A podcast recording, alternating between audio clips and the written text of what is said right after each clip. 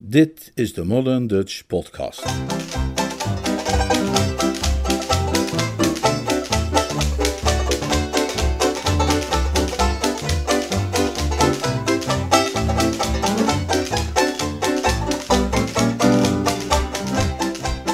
Een man van eer.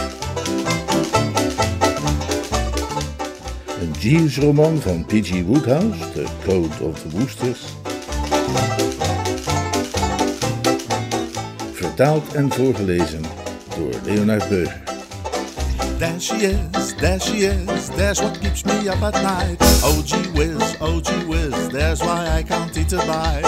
Those flaming eyes, that flaming youth. Oh mister, oh sister, tell me the truth. Cause when I'm paddling, paddling home. Gee, when I'm paddling, paddling Hoofdstuk 6 first I drift the Het doet me nog altijd een beetje zeer wanneer ik terugdenk aan dat diner en besef dat mijn gekwelde geest mij destijds heeft verhinderd daar in de juiste stemming van zorgeloosheid van te peuzelen, want het was een maaltijd waar ik onder gelukkiger omstandigheden bij iedere gang weer als uitgehongerd op zou zijn afgedoken. Wat Sir Watkin Bassett's morele tekortkomingen ook mochten zijn, culinair gezien kwamen zijn gasten absoluut niets tekort, en het was mij, zelfs al stond mijn hoofd naar andere zaken, al na de eerste paar happen duidelijk dat de vrouw die bij hem achter het fornuis stond door het hemelse vuur was aangeraakt. Van een soep der eerste klasse gingen we over op een schier hemelse vis, en van de schier hemelse vis op een wild ragout waar zelfs Anatole trots op geweest zou zijn. Voeg daaraan toe asperges, een zoete omelet en een stel uiterst geïnspireerde sardines op toast, en u zult begrijpen wat ik bedoel. Het was allemaal niet aan mij besteed, uiteraard. Zoals de spreuk zegt: beter een droge boterham met vrienden dan een feestmaal met een stelletje verveling. In elk geval, zoals ik Gussie en Madeline daar naast elkaar zag zitten aan het andere eind van de tafel, werd mij elke hap tot een mond vol gruis. Ik zag hen aan met grote zorgen. U weet hoe verloofde stellen zich over het algemeen gedragen in gezelschap. Ze zitten met de hoofden bij elkaar te fluisteren, ze giechelen en troetelen, ze zitten aan elkaar te plukken. Ik heb zelfs wel eens gezien dat de vrouwelijke helft van het duo de andere helft hapjes zat te voeren met een vork. Maar niets van dat alles was te bespeuren tussen Gussie en Madeline. Hij zag er bleek en lijkachtig uit en zij kil en afstandelijk. Ze zaten voornamelijk aan hun brood te pulken en er balletjes van te draaien, en voor zover ik kon zien spraken ze geen woord met elkaar. Ja, één keer. Hij vroeg om het zout en zij gaf hem de peper, en toen zei hij: Ik bedoelde het zout, en dan antwoordde zij: Oh, echt? en gaf hem de mosterd. Er was geen twijfel mogelijk. Jeeves had gelijk. Het leek over en uit te zijn tussen die twee. En wat mij bezighield, afgezien van de tragiek van het geval, was het mysterie erachter. Ik kon maar niet bedenken hoe het zat, en ik wachtte ongeduldig op het einde van het diner als de dames zich zouden terugtrekken en ik bij de poort een zou kunnen aanspreken om hem te vragen hoe de kaarten lagen. Tot mijn verbazing echter verdween Gussie, die de deur voor hen had opengehouden, achter de laatste van de vertrekkende dames aan als een duveltje terug in zijn doosje, en hij kwam ook niet meer terug. Ik bleef dus alleen achter met mijn gastheer en Roderick Spode. Zij hadden zich samen aan het andere eind van de tafel genesteld en praatten zachtjes met elkaar, waarbij ze mij van tijd tot tijd blikken toewierpen, alsof ik een oud-bias-klant was die hier onder valse voorwendselen was binnengedrongen en goed in de gaten moest worden gehouden, opdat hij er niet vandoor zou gaan met het zilveren bestek. Het duurde dan ook niet lang of ik maakte ook dat ik wegkwam. Ik mompelde iets over mijn sigarettenkoker die ik ergens had laten liggen, glipte de deur uit en verdween naar mijn kamer. Ik had het idee dat ofwel Gussie of Jeeves daar vroeger of later wel zou opduiken. Er brandde een lustig vuurtje in de haard, en om de tijd op aangename wijze te verdrijven, haalde ik het detectiveboek tevoorschijn dat ik uit Londen had meegebracht. Ik had er al wat in gestudeerd en gezien dat het een bijzonder geslaagd werkje was, vol sappige moorden en pittige aanwijzingen, en ik was er dan ook al gauw geheel in verdiept. Ik had echter nauwelijks de kans gekregen om mij een beetje grondig in de problematiek in te leven, toen ik de kruk van de deur hoorde knarsen. En voor mijn neus stond niemand minder dan Roderick Spode. Ik keek hem niet zonder de nodige verbazing aan. Ik bedoel, hij was wel de laatste die ik gemeend had in mijn slaapvertrek te mogen verwelkomen. En hij was waarschijnlijk ook niet gekomen om zijn excuses aan te bieden voor zijn beledigende houding die middag op het terras, toen hij mij onder allerlei gemompelde bedreigingen had uitgemaakt voor miserabele worm. En ook niet voor die valse blikken aan de eettafel. Dat zag ik met een enkele blik. Het eerste wat iemand doet die zijn excuses komt aanbieden, is binnenkomen met een overvriendelijke glimlach en daarvan ontbrak op zijn gezicht ieder spoor. Sterker nog, hij leek mij nog een nuance huiveringwekkender dan ooit. Zijn hele verschijning was zelfs dermate sinister dat ik voor de zekerheid zelf maar een overvriendelijke glimlach forceerde. Het zou waarschijnlijk weinig pacificerend effect sorteren, maar alle beetjes helpen.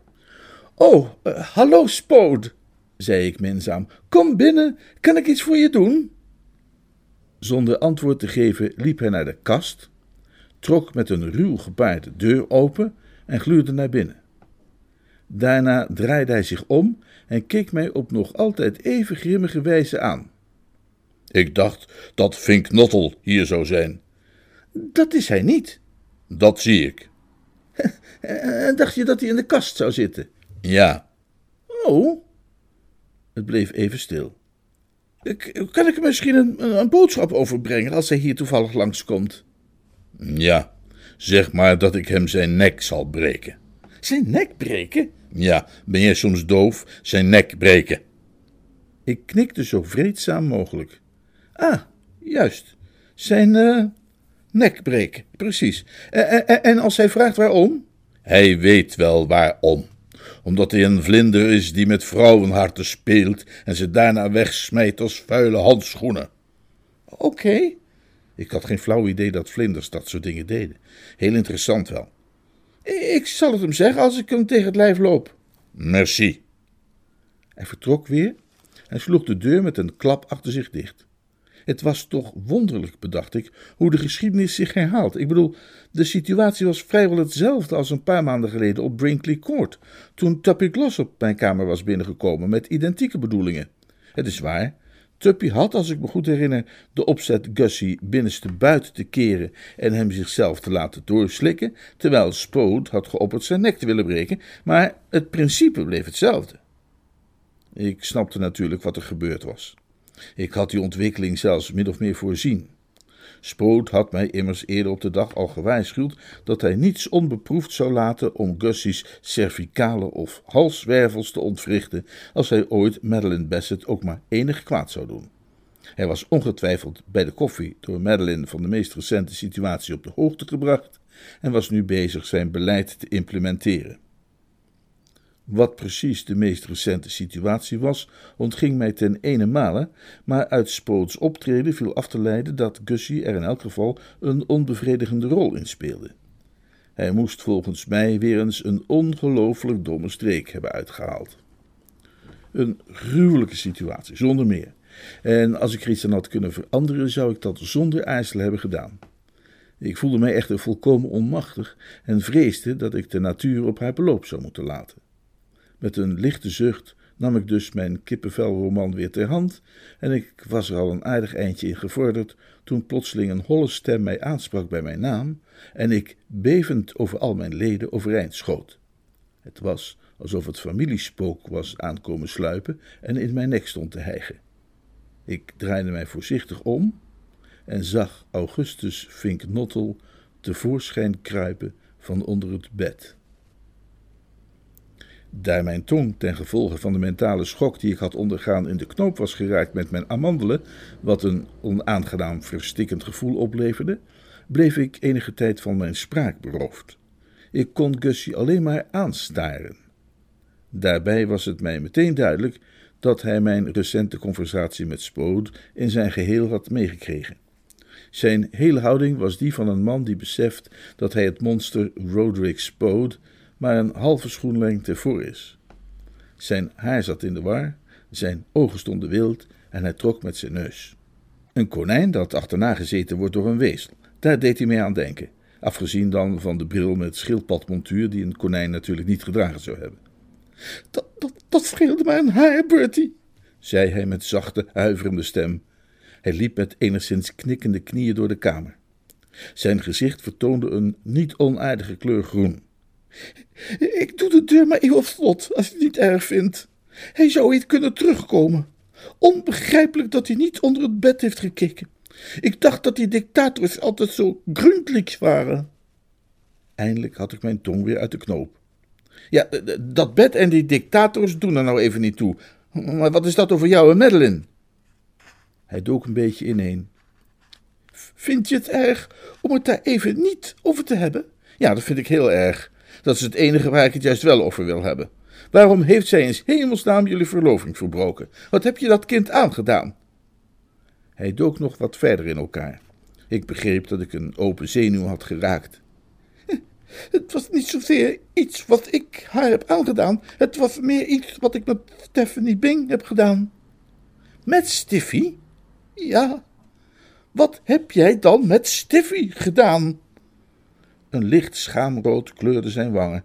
Ik, uh, het was, uh, zeg maar, eigenlijk, weet je, ik zie nu wel in dat het een vergissing was, maar op het moment leek het een goed idee en, uh, nou ja, het zit zo. Ja, zeg het nou maar. Het kostte hem zichtbaar moeite om weer wat tot zichzelf te komen.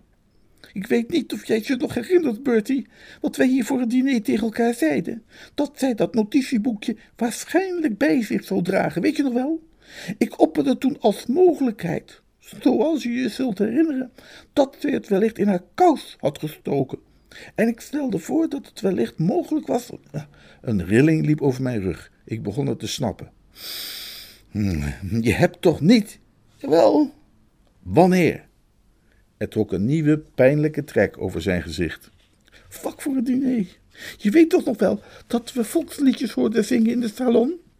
Ik ging erheen en daar zat Steffi aan de piano. Alleen. Althans, dat dacht ik. En toen viel me in dat dit bij uitstek de gelegenheid was. Maar wat ik niet wist, begrijp je, was dat Madeline, al was op dat moment even onzichtbaar, ook in de kamer was. Ze stond achter een kamerscherm in de hoek, op zoek naar nog meer volksliedjes in de kast die daarachter staat. De bladmuziek, begrijp je wel. En, uh, nou ja, waar het op neerkomt is dat net toen ik, nou, nou ja, om een lang verhaal kort te maken, net toen ik, uh, hoe zal ik het zeggen, net toen ik, uh, zogezegd, juist een beetje op gang was, kwam ze tevoorschijn. En, uh, enfin, je begrijpt wat ik bedoel. Ik wil maar zeggen, zo kort na dat incident met dat meisje met die vlieg in haar oog, viel het mij niet mee om dat uit te leggen. Ik, in feite ik kreeg het helemaal niet uitgelegd. En dat is het hele verhaal. Ben jij goed in lakens knopen, Bertie? Ik kon deze wonderlijke gedachtesprong niet meteen volgen. Lakens knopen? Ik heb erover nagedacht, terwijl ik daar onder het bed lag en jij met spoot aan het babbelen was. En ik ben tot de conclusie gekomen dat het enige wat erop zit is dat we de lakens van je bed halen en aan elkaar knopen en dat jij mij dan uit het raam naar beneden laat. Dat doen ze altijd in boeken. En ik heb geloof ik ook wel eens zoiets in een film gezien. Als ik dan buiten ben, neem ik jouw wagen en rijd naar Londen. Voor daarna zijn mijn plannen nog wat vaag, maar misschien ga ik wel naar Californië. Waarom Californië? Dat is 12.000 kilometer hier vandaan. Weinig kans dat Spoot naar Californië komt. Ik keek hem ontsteld aan. Je bent toch niet van plan om de benen te nemen? Natuurlijk ben ik wel van plan om de benen te nemen. En zo snel mogelijk. Je hebt toch gehoord wat Spoot zei?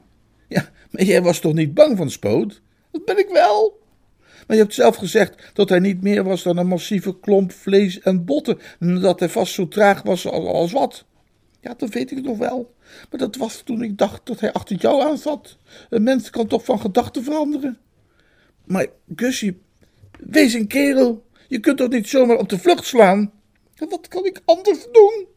Hier blijven natuurlijk en proberen het goed te maken. Je hebt nog niet eens geprobeerd met Madeline te praten en het haar uit te leggen. Jawel, dat heb ik wel gedaan.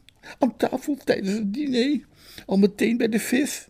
Maar het mocht niet baten. Ze keek me alleen maar ijzig aan en draaide balletjes van het brood. Een probleem om mij het hoofd over te breken. Toch moest er een laatste steen zijn waar nog niemand onder gekeken had. En ja hoor, na een half minuutje had ik die gevonden. Wat jij moet doen, zei ik, is dat notitieboekje te pakken krijgen. Als jij dat boekje in handen had en het aan Madeline kon laten zien, dan zou de inhoud haar er ongetwijfeld van overtuigen dat jouw bedoelingen tegenover Stiffy niet waren wat zij dacht dat ze waren, maar zo zuiver als kraanwater. Dan zou ze beseffen dat wat jij deed in feite een wanhoopsdaad was. Hoe zal ik het zeggen? Wacht even. Uh, het ligt op de punt van mijn tong. Uh, geboren uit vertwijfeling. Dan zou ze alles begrijpen en jou vergeven. Heel even leek een sprankje hoop zijn verwrongen trekken te verlichten. Dat zou best eens kunnen, beaamde hij. Je hebt daar denk ik wel gelijk in, Bertie. Geen gek idee. Dat kan niet missen. Tout comprendre, c'est tout pardonner. Dat is waar het op neerkomt. Het sprankje doofde. Maar hoe kan ik dat boekje te pakken krijgen? Waar is het? Ze droeg het dus niet bij zich. Volgens mij niet. Hoewel mijn onderzoekje onder de omstandigheden vrij oppervlakkig heeft moeten blijven. Dan ligt het waarschijnlijk op haar kamer. Oh ja, daar heb je het al. Ik kan toch niet de kamer van een meisje gaan doorzoeken? Hoezo niet? Zie je dat boek? Dat zat ik te lezen toen jij opdook. Heel toevallig dat noem je dan toevallig, hè, maar waarschijnlijk overkomen dat soort dingen ons met een reden, was ik daarin net bij een passage gekomen waarin een bende dat nu precies aan het doen was: de kamer van een meisje doorzoeken. Doe het nu meteen, Cassie. Ze is waarschijnlijk nog wel even bezig in de salon, het, komende uur of zo. Zeker nog, ze is naar het dorp. De dominee geeft een lezing met gekleurde lichtbeelden over het heilige land voor de plaatselijke afdeling van de Vereniging van Plattelandsvrouwen. En Stiffy zorgt voor de muzikale omlijsting op de piano. Maar dan nog, nee, Bertie, dat kan ik niet doen. Het is misschien wel het juiste om te doen. Ik ben er zelfs van overtuigd dat het inderdaad het juiste is om te doen, maar ik kan het niet. Ik heb er het lef niet voor. Stel je voor dat Spoot binnenkomt en me betrapt. Nou, het is wel heel onwaarschijnlijk dat Spoot de kamer van een jong meisje zou binnenlopen. Dat weet ik nog zo net niet. Op dat soort lichtvaardige veronderstellingen kun je geen plannen bouwen. Ik persoonlijk zie Spoot als iemand die overal zomaar zou binnenlopen. Nee, mijn hart is gebroken. Mijn toekomst is duister. En er is niets anders aan te doen dan de feiten te accepteren en die lakens aan elkaar te knopen. Aan de slag. Oh nee, in mijn lakens komen geen knopen. Maar Bertie, mijn leven staat op het spel. Dat kan me niet schelen. Ik wil niets te maken hebben met zulke uh, laffe hazengedrag. Is het echt Bertie Woester die dit zegt? Ja, dat heb ik al eens eerder van je gehoord. En je gaat het vast nog vaker horen. Voor de laatste keer, Bertie, wil je mij een paar lakens lenen en me helpen ze aan elkaar te knopen? Nee. Dan zal ik nu ergens moeten gaan verstoppen tot het licht wordt en de melktrein vertrekt. Tot ziens, Bertie. Je hebt me ernstig teleurgesteld. En jij hebt mij ernstig teleurgesteld. Ik had toch echt gedacht dat jij wat meer ballen had. heb ik ook. En daarom juist. Ik wil dat Roderick Spoot ze vooral met rust laat. Hij keek mij nog een keer aan met de oogopslag van een stervende salamander en deed voorzichtig de deur open. Een blik naar links en naar rechts in de gang overtuigde hem er kennelijk van dat die op dat moment spodeloos was. Hij glipte naar buiten en was verdwenen. En ik keerde terug naar mijn boek. Dat was het enige dat ik kon bedenken, waardoor ik niet de hele tijd mezelf zou gaan kwellen met angstige gedachten. Uiteindelijk bespeurde ik dat Jeeves weer terug was. Ik had hem niet horen binnenkomen, maar dat is vaak zo bij Jeeves. Hij vloeit in stilte van plek A naar plek B, als een of ander gas.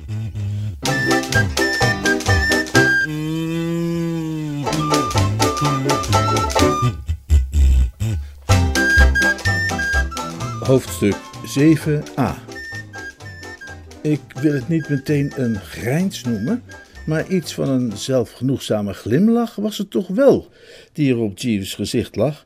En plotseling herinnerde ik mij weer wat ik door die misselijkmakende scène met Gussie helemaal was vergeten. Namelijk dat Jeeves, toen ik hem voor het laatst zag, op weg was naar de telefoon om de secretaris van de Junior Ganymede Club op te bellen. Nieuwsgierig sprong ik overeind. Als ik die blik correct had geïnterpreteerd, had hij mij iets te vertellen. En? Heb je contact gehad met de secretaris, Jeeves? Ja, meneer. Ik heb zojuist mijn gesprek met hem afgerond. En heeft hij gelekt? Hij was bijzonder mededeelzaam, meneer. Heeft Spoot een geheim? Ja, meneer. Enthousiast sloeg ik mij op de dijen. Ik had beter moeten weten dan aan tante Dalia te twijfelen. Tantes hebben altijd gelijk. Een soort van bijzondere intuïtie of zo. Vertel me alles. Vrees dat ik dat niet kan doen, meneer. De regels van de club met betrekking tot de verspreiding van materiaal dat in het clubboek werd vastgelegd, zijn bijzonder strikt. Je bedoelt dat je lippen verzegeld zijn? Ja, meneer. Maar wat voor nut heeft het dan gehad om die man op te bellen?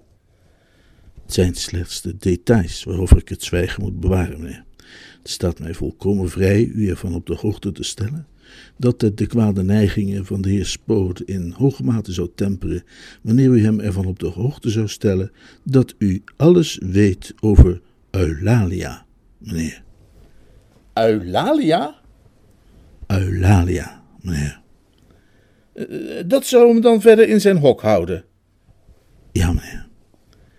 Ik moest er even over nadenken. Het klonk niet direct heel bruikbaar.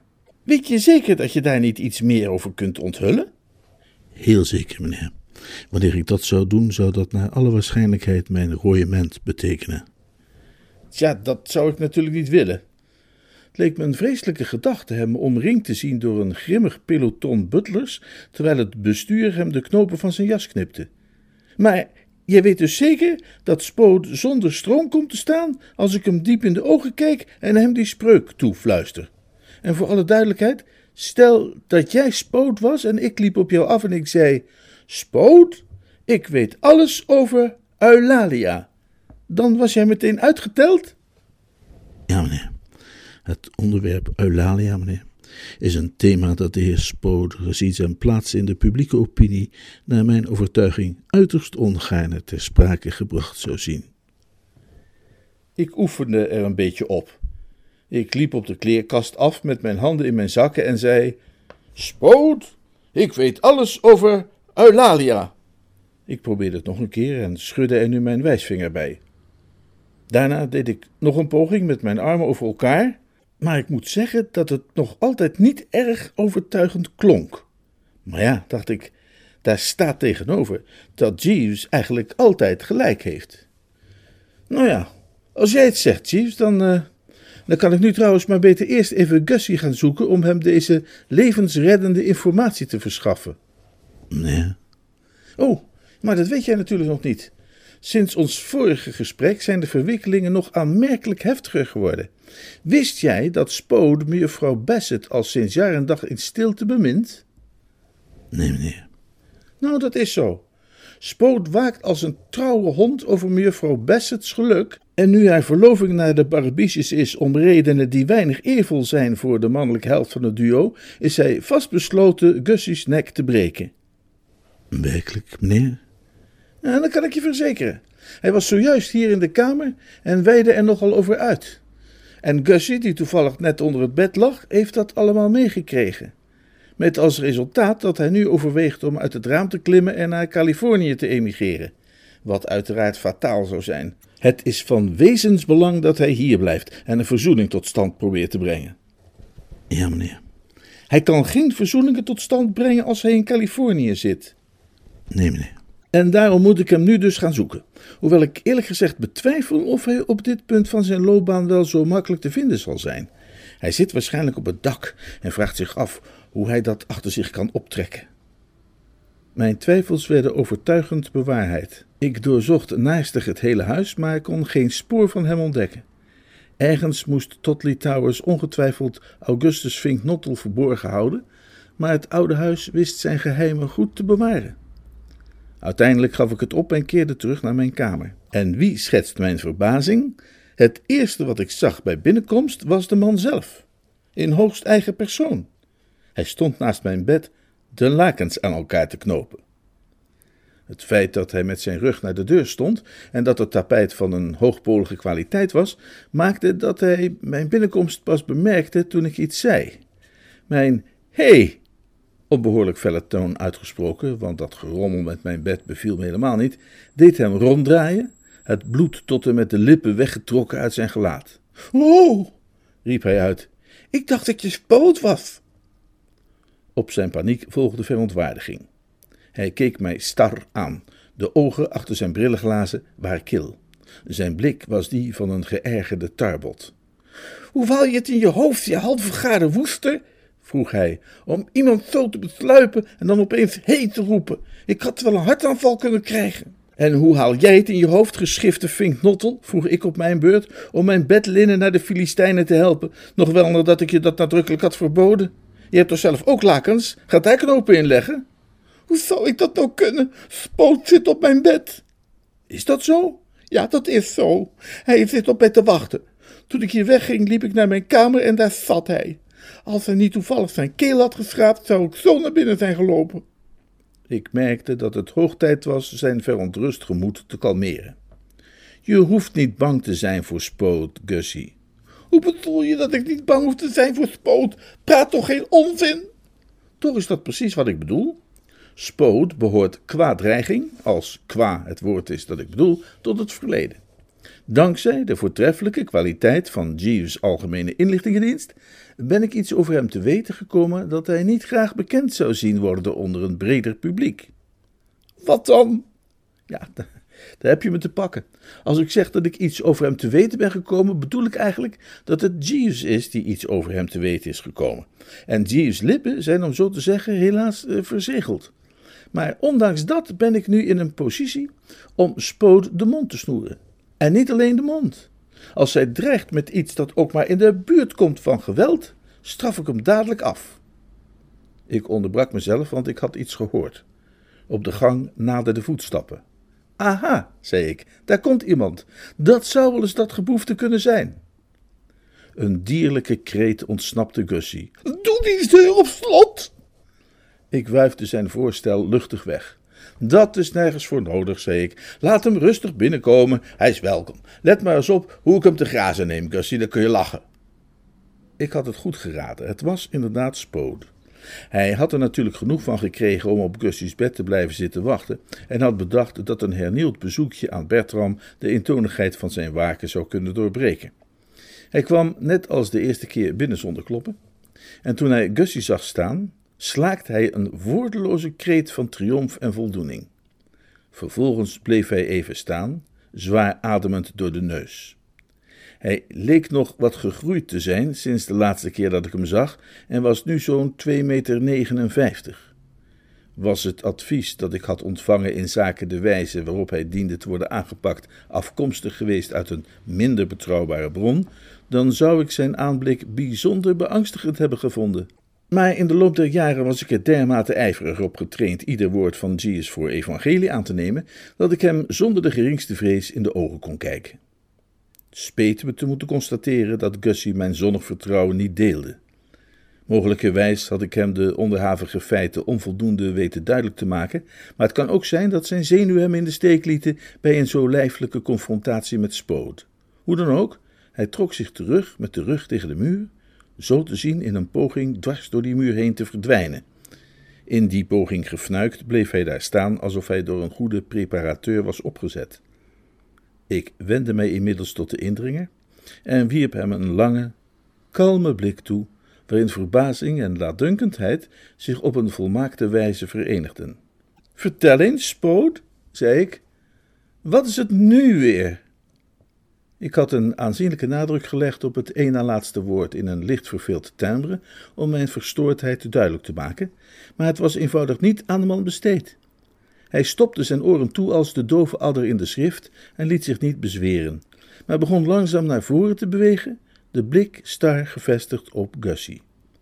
Zijn kaakspieren raakten in een malende beweging, zoals ik ook had opgemerkt die keer dat hij mij had aangetroffen bij Sir Watkin Bassett's zilvercollectie, en iets in zijn houding leek erop te duiden dat hij elk ogenblik op zijn borst kon gaan trommelen met een hol en verdragend geluid, zoals gorilla's doen wanneer zij geëmotioneerd raken. Ha! zei hij. Het was duidelijk dat ik dit soort van abominabel gedrag niet kon tolereren.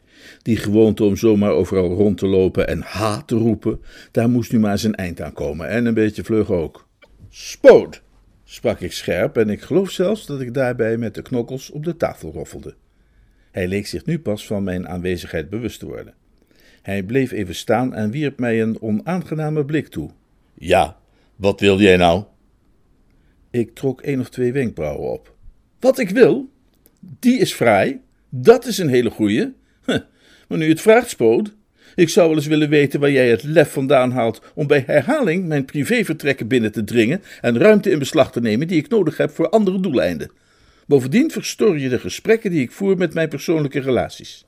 Een mens had op die manier verdorie evenveel privacy over als een striptease-danser. Ik neem aan dat jij zelf ook een kamer hebt, hm? Dan stel ik voor dat je daarheen gaat, jij grote domme kracht, en dat je daar voorlopig ook blijft.